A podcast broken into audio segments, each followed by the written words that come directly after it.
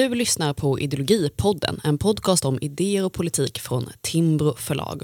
Och idag så ska vi prata om konservatism, eller närmare bestämt konservatismens fader som han ofta kallas, Edmund Burke. Och det här gör vi med anledning av att vi i dagarna lanserar en nyutgåva av översättningen av hans klassiska verk Reflektioner om den franska revolutionen. Och med mig för att prata om denna person och detta verk har jag Katarina Kärkinen. Du är ansvarig för borgerlig idéutveckling här på Timbro och du har också varit redaktör för den här boken. Välkommen. Ja, det stämmer bra. Tack så mycket. Och Björn Hasselgren, du är senior fellow här på Timbro och också varit involverad i flera verk i klassikerserien som också den här boken blir en del av. Mm, kul att vara här. Ja, eh, jag tänker att vi ska börja väldigt grundläggande. Edmund Burke eh, levde på 1700-talet och det här verket, Reflektioner om den franska revolutionen, blev hans nyckelverk. Men vem var Edmund Burke egentligen, om vi börjar i den änden? Ja, Edmund Burke var eh, författare, eh, skriftställare, som eh, det hette fint eh, förr i tiden. Eh, också under många år ehm, politiker i, i Storbritanniens eh, parlament. Ehm, Irländsk, som du säger, Amanda, så eh, levde och verkade han på 1700-talet. Han föddes 1729 eh, på en liten hamngata intill den här floden Liffey i Dublin i Irland. Ehm, kom från en familj i ja, men, övre medelklassen. Eh, hans far var eh, advokat eh, och det gick ganska bra för honom.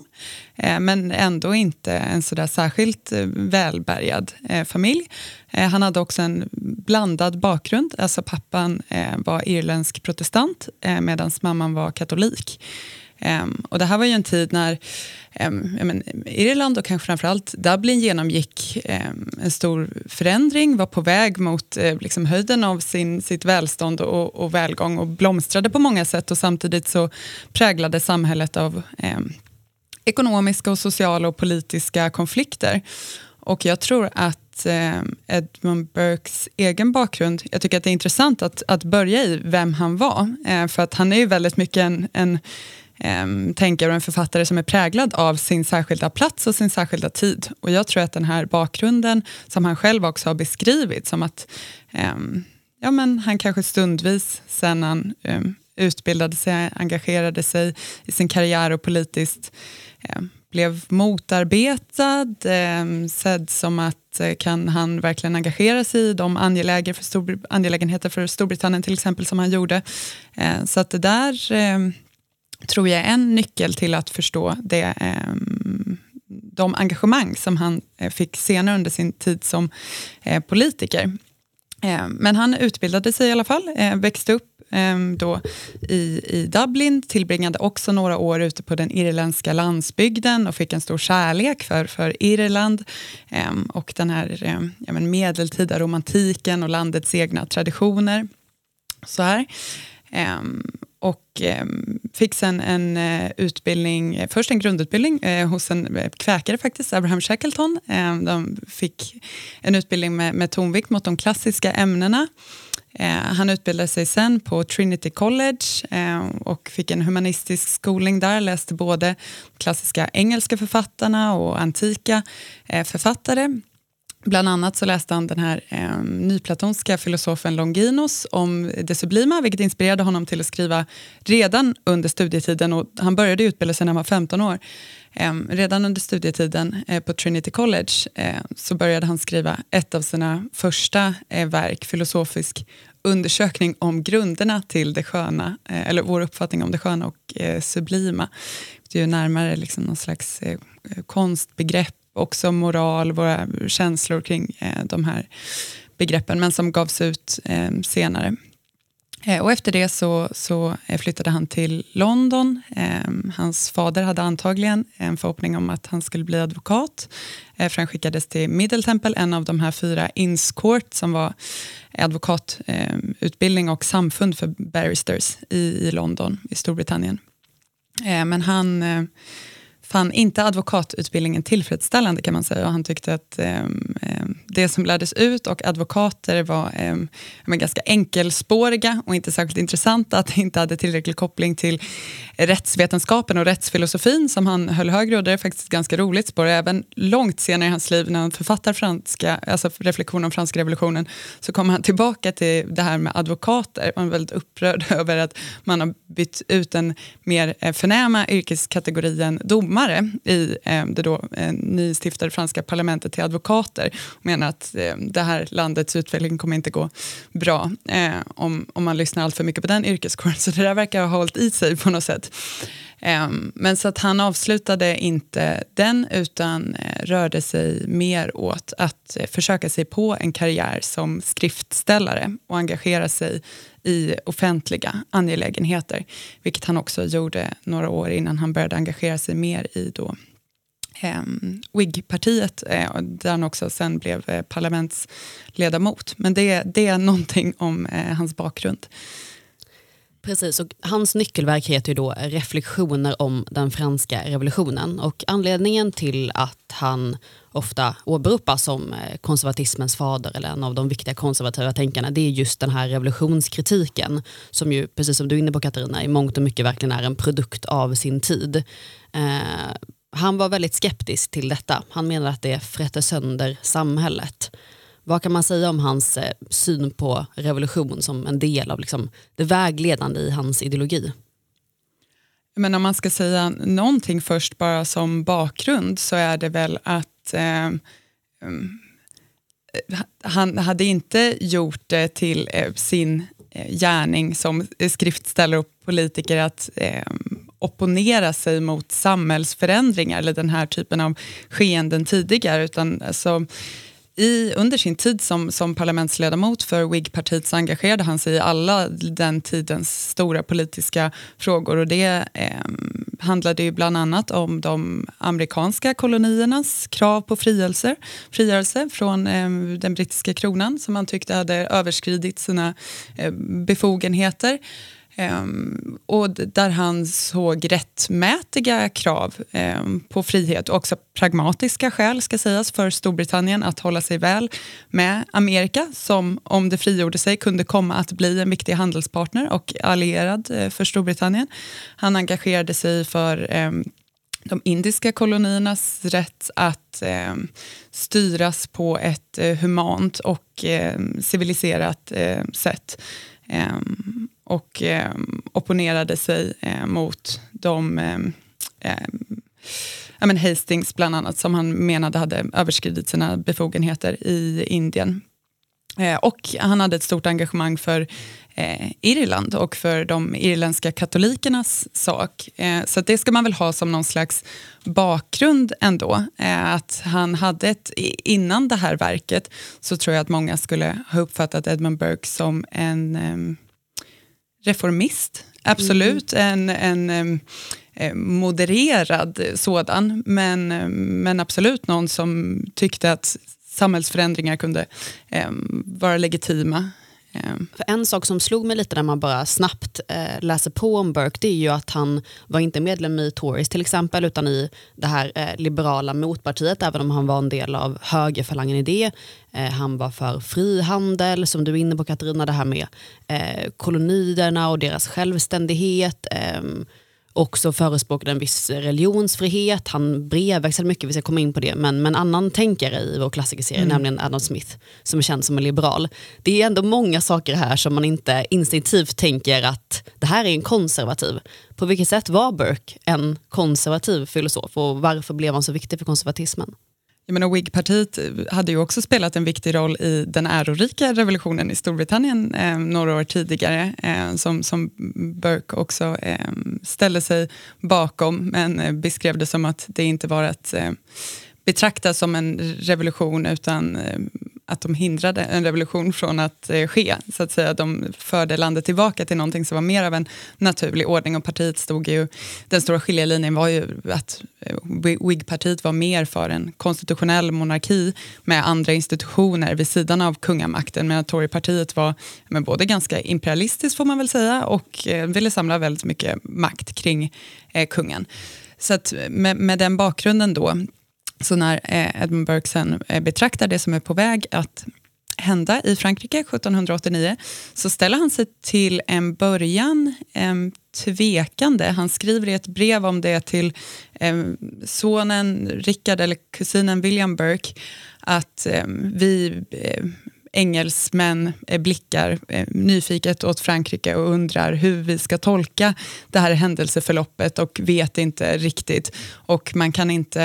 Eh, ja, att det, det, finns någonting i, i eh, viljan och sinnesstämningarna här som man kan vara imponerad över. Men samtidigt så eh, ja, men han skriver någonting om den, den liksom parisiska brutaliteten. verkar också som att den kommer att eh, göra sig känd här. Och eh, sen då 1790, eh, bara ett år senare, så skriver han reflektioner om franska revolutionen där han vänder sig eh, emot den av ett antal olika eh, skäl. Dels eh, därför att eh, han menar att de här ehm, personerna i Frankrike, revolutionärerna, eh, har eh, liksom låtit det här, eh, han skriver att det är inget fel på ett sånt här frihetsanspråk men ni låter friheten finnas i abstraktionens nakna övergivenhet och vet inte hur ni ska passa in den i resten av ert system. Eh, vet inte hur ni ska bygga upp era institutioner efter det här och eh, vill också ehm, eh, kasta allt om ända. Han har också liksom praktiska, eh, praktisk kritik om hur man verkar eh, bygga upp de här nya institutionerna som parlamentet, hur hårt man går åt den eh, katolska kyrkan i Frankrike, så ett antal sådana här angelägenheter. Men det övergripande temat är ju att ni vet inte vad ni sätter igång nu och borde eh, göra det här med större försiktighet, skulle jag säga. Björn, vad säger du? Nej, jag håller med eh, om det här referatet vi har fått. Eh, det mesta är sagt. Nej, men eh, jag tycker att man, alltså, man sätter ju etiketter på olika personer genom tiderna. Den var det och den var det. Jag tycker att Edmund Burke har väl kanske lite orättvist fått etiketten konservativ och att det skulle vara konservatismens start på något sätt. Jag tycker att det är kanske ohistoriskt och det är o precis att använda uttrycket, begreppet på det sättet. Eh, om man nu placerar in Burke i hans egen tid, 1700-tal och liksom det sociala sammanhang han verkade i och de vänner och professionella kollegor som han hade så, så var det ju i ett sammanhang där man mycket funderade kring, ja förstås med bakgrund i liksom hela rättighetsdiskursen eh, tidigare från England, den ekonomiska liberaliseringen som man började se vakna till liv och eh, hur allt det, här, det, där skulle spela ut i samhället. Var, hur skulle man få ett stabilt samhälle trots att mycket förändrades? Och där stod han ju, uppfattar jag, för, för en syn där man både skulle öppna upp, liberalisera, men också göra det med moderation, att man skulle ha stabiliserande system och institutioner i samhället som gjorde att det inte gick för snabbt. Och eh, jag tycker att man mycket väl kan se det där som en, ett uttryck för det som man kan kalla klassisk liberalism, classical liberalism.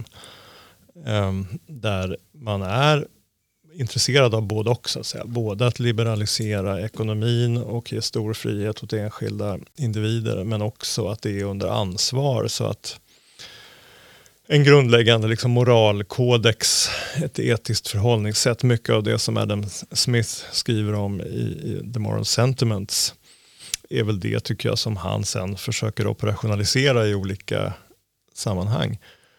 Och på väldigt många områden tycker jag ju att han är, är, är ju också liksom en frihetlig rättighetsförespråkare eh, med de där fallen som du tar upp. Eh, frigörelsen för eh, Amerikas eller kolonierna i Amerika, eh, Ostindiska kompaniet, alltihopa det där, så, så driver han ju verkligen frihetsfrågor till en stor del.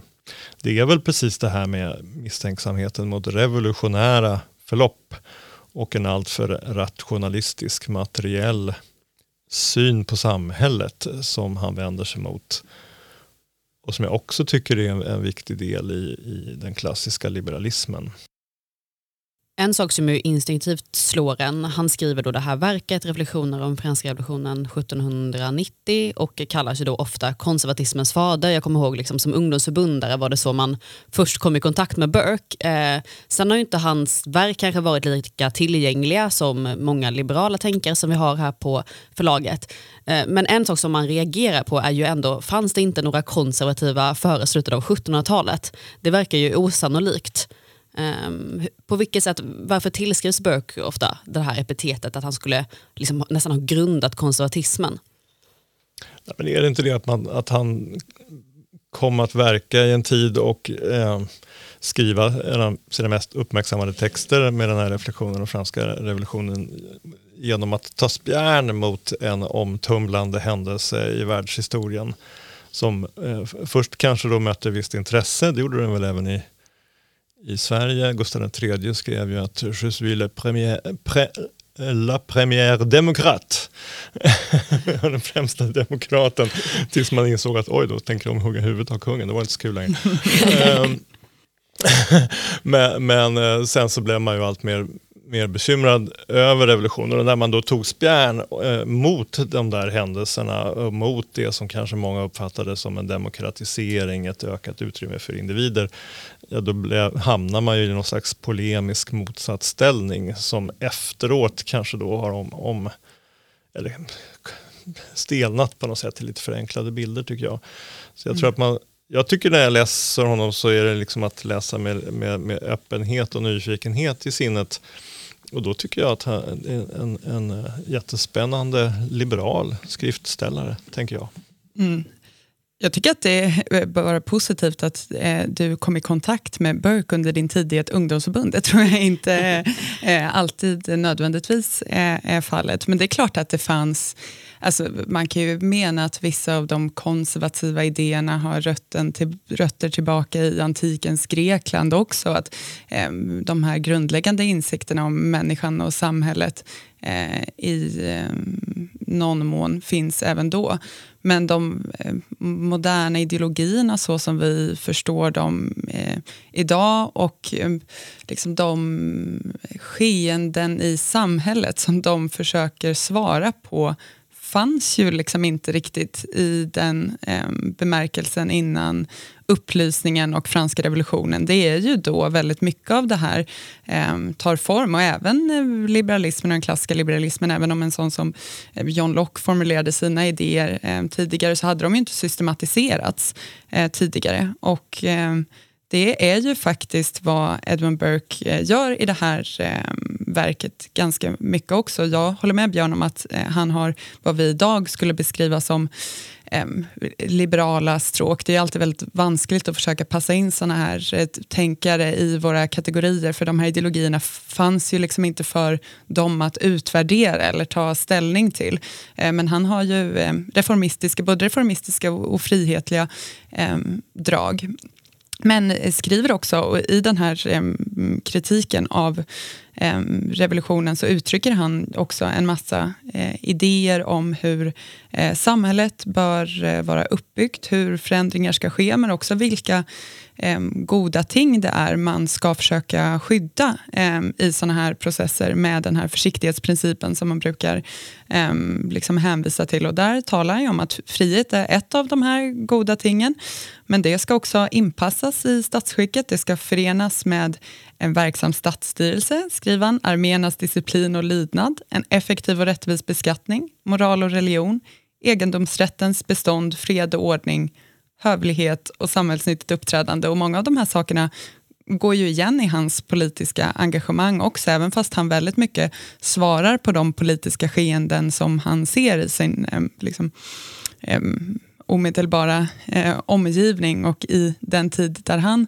verkar så är ju äganderätten till exempel och eh, religionens roll i samhället sådana här eh, stråk som alltid finns där. Och som jag skulle säga, eh, inte så att eh, det är väldigt svårt att säga om han är en konservativ tänkare, men det som han uttrycker blir ju väldigt mycket grunden för konservatismen.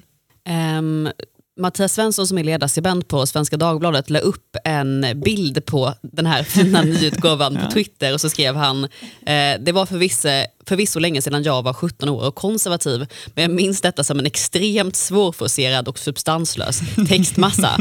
Hade mitt tonårsjag fel också i det omdömet? Vad säger ni? Är det här en svårforcerad och substanslös textmassa? Det får verkligen stå för Mattias Svensson. Nej, eh, alltså, han har ju... Eh, jag kan förstå att man tycker att den här boken är lite svårgenomtränglig. Kanske framförallt om man är van vid andra typer av politisk litteratur. Om man läser de eh, liksom klassiska liberala tänkarna, inte minst från 1700-talet, så är ju de inte sällan skrivna med intentionen att det här ska bli manifest över idéer som jag har kommit fram till. Ehm, det är ju många som har den här ganska mm, rationalistiska metoden som är lätt att följa. Och det finns också någonting, ehm, det är lättare för samtidsmänniskan att ta sig an dem. Eh, för de är också skrivna med ett anspråk på att ehm, bli eviga på ett annat sätt, om man tänker på de stora eh, liksom, ideologiska manifesten. Um, så att, eh, och den här är ju inte skriven på det sättet. Det är, en, det är reflektioner, det är kommentarer. Eh, Burke eh, svarar på saker som andra personer har skrivit. Han eh, använder en del vackra poetiska uttryck, eh, gör historiska tillbakablickar, eh, fastnar i något resonemang som han är inne i. Man kan också tydligt följa hans sinnesstämning genom den här boken. Alltså ibland så är det en väldigt hård ton och ibland så är den Eh, ganska mild eh, röst som framträder. Ehm, och eh, det gör ju också att det inte är helt enkelt att urskilja eller kondensera de här idéerna i reflektioner som vi ehm, lite grann har försökt göra nu. Russell Kirk har skrivit att Burke lindar in sig i sitt ämne likt en orm och det låter kanske inte så sympatiskt men det är liksom han blandar historia med principer, han blandar ett bildspråk med aforismer. Um, och en annan sak kopplat till det här som jag också tycker är eh, Klaus Bryld har skrivit intressant eh, i förordet till eh, den här biografin eh, om Edmund Burke eh, som vi också har eh, översatt till svenska och gett ut eh, för ett par år sedan. Ehm, att eh, i studiet av Edmund Burke så ligger ett eh, praktiskt tolkningsproblem inbyggt. Um, och det är att den tidsepok under vilken som han levde, som präglades väldigt mycket av de amerikanska och franska revolutionerna, är den period som starkast har format världen så som den är idag.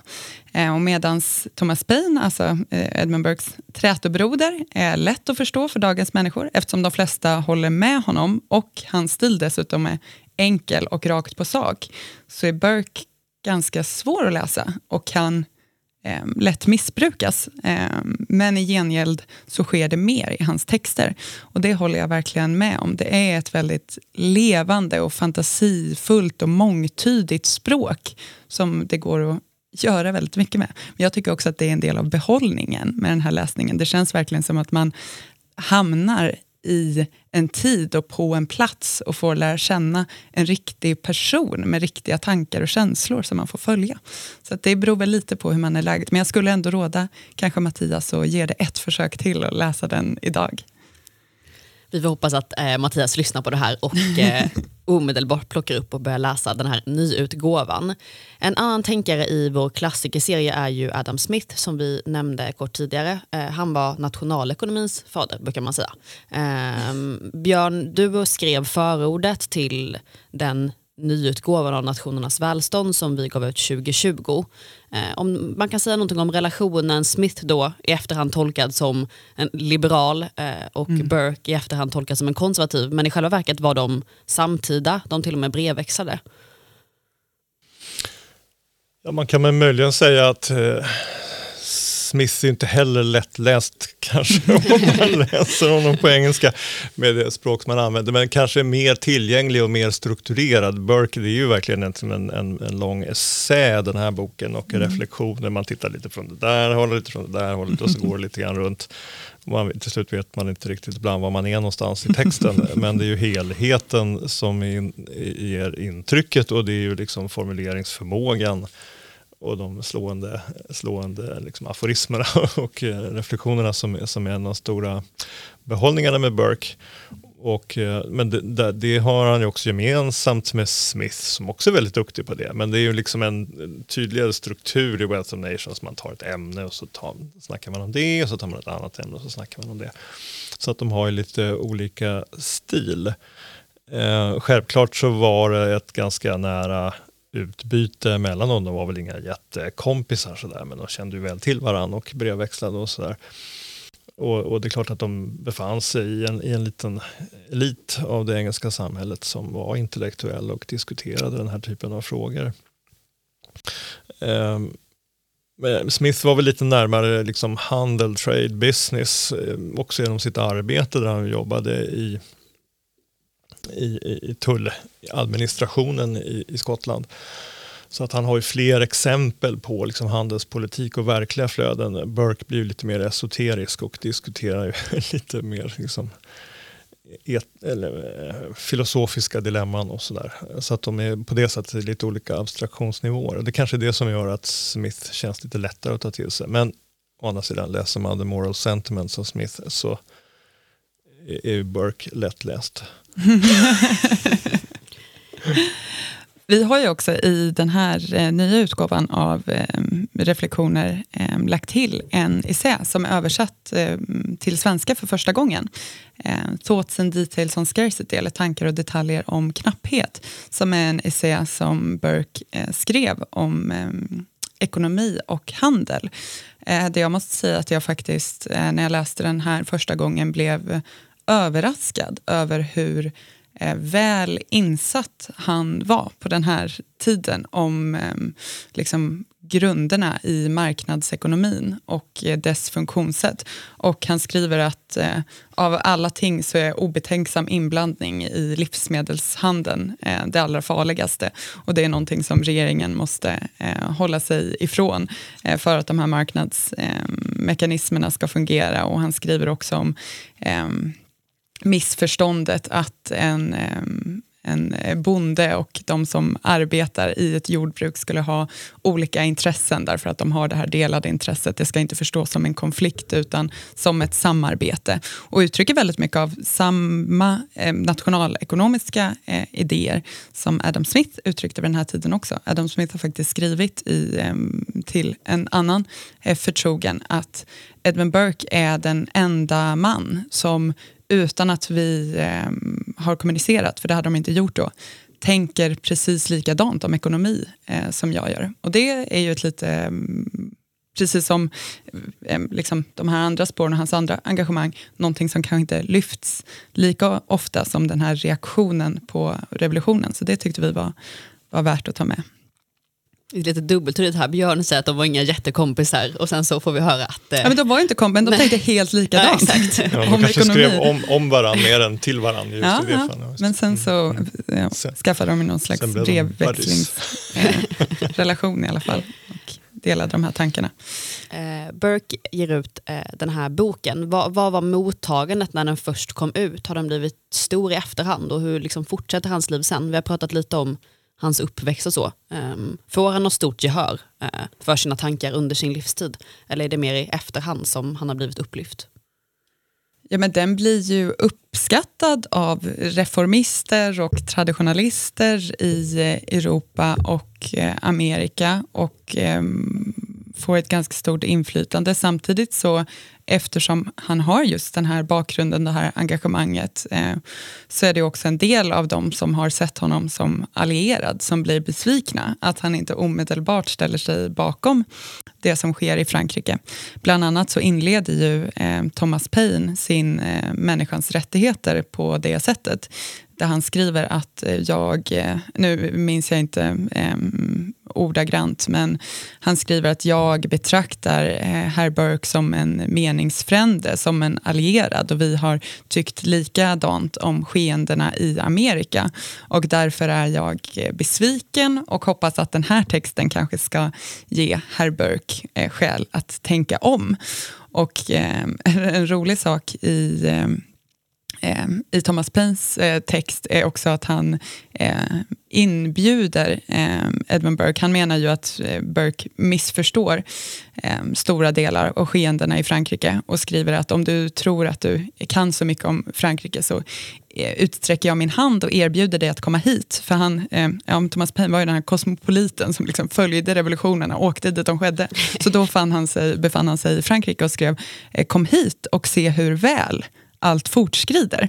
Eh, och då hade ju Edmund Burke eh, liksom bara ett år in i revolutionen eh, varnat för att en ung obemärkt general som förmådde tala eh, så att arméerna lyssnade eh, skulle ta makten eh, och inte kanske bry sig så mycket om de här eh, Eh, vackra orden som revolutionen eh, till en början uttryckte. Det var ju innan man visste vem eh, Napoleon Bonaparte var. Han var en helt ung obemärkt officer ehm, då. Ehm, och också varnat för att antagligen så är det så att Frankrike innan landet kommer se dess slutgiltiga form kommer att behöva eh, gå igenom ett antal väldigt svåra skeenden och eh, renas i blod, tror jag är uttrycket. Och det här är ju innan långt innan skräckväldet sker. Och han fick ju rätt i väldigt mycket av det, helt utan att, att svara på den här inbjudan att åka till Frankrike. Men så det var lite blandat mottagande får man säga. Det är lite tragikomiskt att Payne eh, som då den här revolutionsturisten säger, kom hit och se mm. hur bra det går. Jag kan nog vara glad i efterhand att Burke inte åkte dit kanske. Precis. Um, ett, eh, en invändning skulle man kunna säga är ju att eh, vi ger nu ut en person som är känd som konservativ i en klassikerserie som i vanliga fall präglas av liberaler. Katarina, du sa att du redan har fått många reaktioner, folk som är engagerade i konservatism är väldigt engagerade. Ja, men det är nog mer om olika detaljer. Om, eh, det finns många som kan eh, hans eh, liv och tolkningen av de här idéerna bättre än jag. Och det är väldigt roligt att engagemanget har varit stort inför den här utgivningen. Men Ja, vi har ju varit inne på flera av de här spåren innan. Både eh, Burkes stora eh, förståelse eh, eh, sympati för eh, marknadsekonomin. Hans eh, liberala, om man då kan kalla dem det, och reformistiska drag. Ehm, och tycker jag också ehm, en massa av de här eh, lärdomarna eller reflektionerna som framträder i den här boken som skulle betraktas som mer konservativa är sådant som eh, alltså personer av alla politiska valörer gör väl i att eh, ta till sig av och fundera kring själva eh, idag, skulle jag säga. Ehm, och sen tycker jag också, han har ju ett eh, väldigt intressant drag som vi inte eh, har hunnit beröra som är den här anti, eller vi har varit inne på antirationalismen, men hela hans politiska syn präglas ju av det här eh, empiristiska draget. Vid någon punkt så, så skriver han till och med att jag som politiker kan inte formulera abstrakta idéer som, om individer, för det är att ta sig för stor rätt över dem. För de är, det finns ingen urindivid, utan alla de är riktiga människor eh, med riktiga erfarenheter och känslor och viljor och sådär. Eh, så därför kan man inte formulera de här abstrakta principerna och det behöver man inte hålla med om. Man kan tycka att man eh, kan formulera abstrakta idéer om vad som är rätt och fel även i politiska sammanhang men jag tycker att det också ur ett liberalt perspektiv är en så, eh, ett så sympatiskt ingångsvärde i en politisk diskussion. Och det präglar ju också sen hans syn på eh, samhället, samhällsutveckling, eh, varför vi ska värna om institutionerna. Jo, men för där finns kunskap som är traderad över generationer som vi kanske inte ens kan se med blotta ögat. Och jag tycker ju verkligen i, i det här draget att hans, eh, hans eh, främsta eh, arvtagare, eh, eller hur man ska uttrycka det, någon som har funnit inspiration i honom, är Fredrik Hayek, som vi också har eh, utgivit nyligen, som ju verkligen har det här eh, empiristiska draget och hittar sin motivering till frihet och spontan ordning eller evolutionär samhällsutveckling som kanske Burke hade uttryckt det, eh, från den här insikten. Och Det tycker jag verkligen också är någonting som är, är värt eh, från vårt håll att eh, hålla fast vid. Björn, du sitter och bläddrar i, i några Nej, böcker. Jag har tänkt på det hela på, avsnittet. borde vi ge ut den här? Nu Vilken är den fråga här. ska jag ställa för att få höra Ja, vad... det. Nej, men jag tror jag, bara en, en aspekt, jag tror, jag är lite dåligt påläst där, men jag tror att man också, det finns en eh, inrikespolitisk tror jag, vinkling på att boken kommer ut, eh, reflektioner, det finns säkert flera, men en är ju då eh, den här eh, se, eh, pr- prästen Dr. Pri- eh, Richard Price som i samma tid var aktiv och som ju drev liksom ett revolutionärt budskap i, i engelsk politik, samhälle precis under samma tid. Och, och eh, Burke referer, refererar ju i början på, på texten till en, en vad heter det, predikan som han har hållit då, 4 november 1789 där han har liksom höjt till skyarna skeendena i Mm. Frankrike. Och, och där menar att det här är liksom ett exempel på någonting väldigt farligt i brittiskt samhällsliv.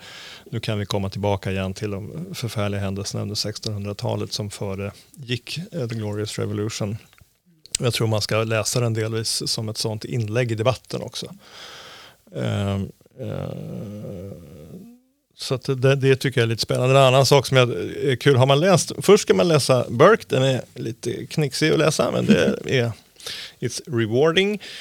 och sen så kan man läsa eh, Tocqueville tycker jag som eh, 1848 var det väl skrev en sån motsvarande reflektion om franska revolutionen. Mm. Mycket med ett efteråt-perspektiv och förstås med stor kunskap om Frankrike. Eh, och, och med ett väldigt liksom, också empiristiskt eh, sociologiskt öga på utvecklingen. Eh, det är också en jättebra text om franska revolutionen och de där två tillsammans tycker jag ger, lite, ger en väldigt bra bild av skeendena.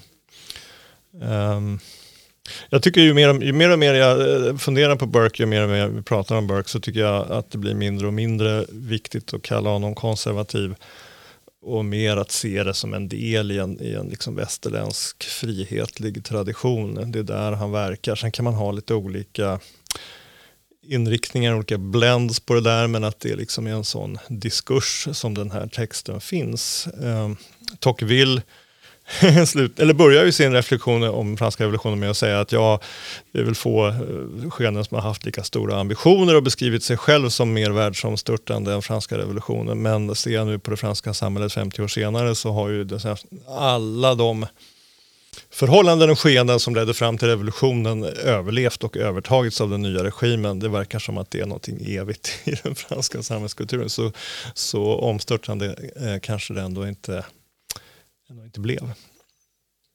Ehm, det är kul att vi inledde det här avsnittet med att eh, benämna Burke som konservatismens fader och vi kommer ut lite på andra sidan med att han kan inte vara eh, så värst konservativ ändå. Ehm, Jag tycker nog att den beskrivningen håller. Eh, och att det, det är också bara superkort, det är ju eh, obestridligen så att konservativa efter 1790 eh, har återkommit till Burke gång efter annan och att de eh, mer eh, moderna tongiva, tongivande konservativa filosoferna, alltså bara eh, Russell Kirk eller Roger Scruton, eh, de tar ju honom som sin, sin själva eh, start och utgångspunkt och eh, också bara i eh, det stora eh, intresset bland konservativa eh, Ehm, politiker och, och, och skribenter och organisationer som har kommit av att vi har gett ut den här så tycker jag att uppenbarligen så verkar de som ansluter sig till den här åskådningen hämta mycket inspiration från Burke. Men då ännu mer är det ju värt att eh, belysa som Björn just gjorde den här eh, mångfalden av liksom, eh, drag och stråk som finns hos honom. Precis, Eh, det är både ett nyckelverk och ett referensverk får man då ändå säga som finns i nyöversättning och nyutgåva med ett förord av dig Katarina. Eh, Så den rekommenderar vi verkligen. Vi ska börja avrunda men jag tänkte att ni kort också får tipsa om en annan bok i vår klassikerserie som man hade kunnat läsa eh, jämte denna eller parallellt med denna. Men då skulle jag ändå säga att man ska läsa antingen Frihetens grundvalar eller den här eh, nyutgivna eh, eh, antologin Spontan ordning eh, om av eh, Friedrich Hayek och eh, jämföra de här eh, två tänkarnas eh, idéer. Jag måste ju säga att man ska läsa Geijer-boken då.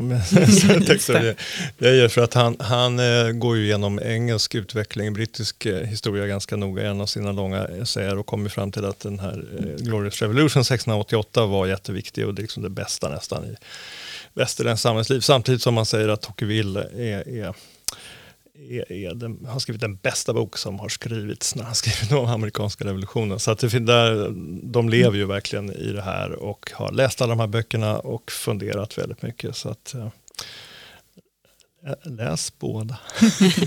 ja. Eh, och reflektioner om den franska revolutionen eh, och eh, alla våra andra böcker i klassikerserien finns som vanligt på vår hemsida. Björn och Katarina, tack så jättemycket för att ni kom hit och pratade om Edmund Burke. Tusen tack. Mm, tack.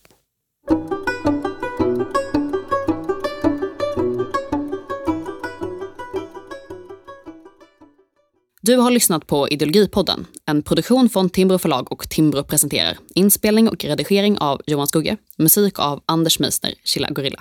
Du hittar den här och alla våra andra poddar på timbro.se podcast.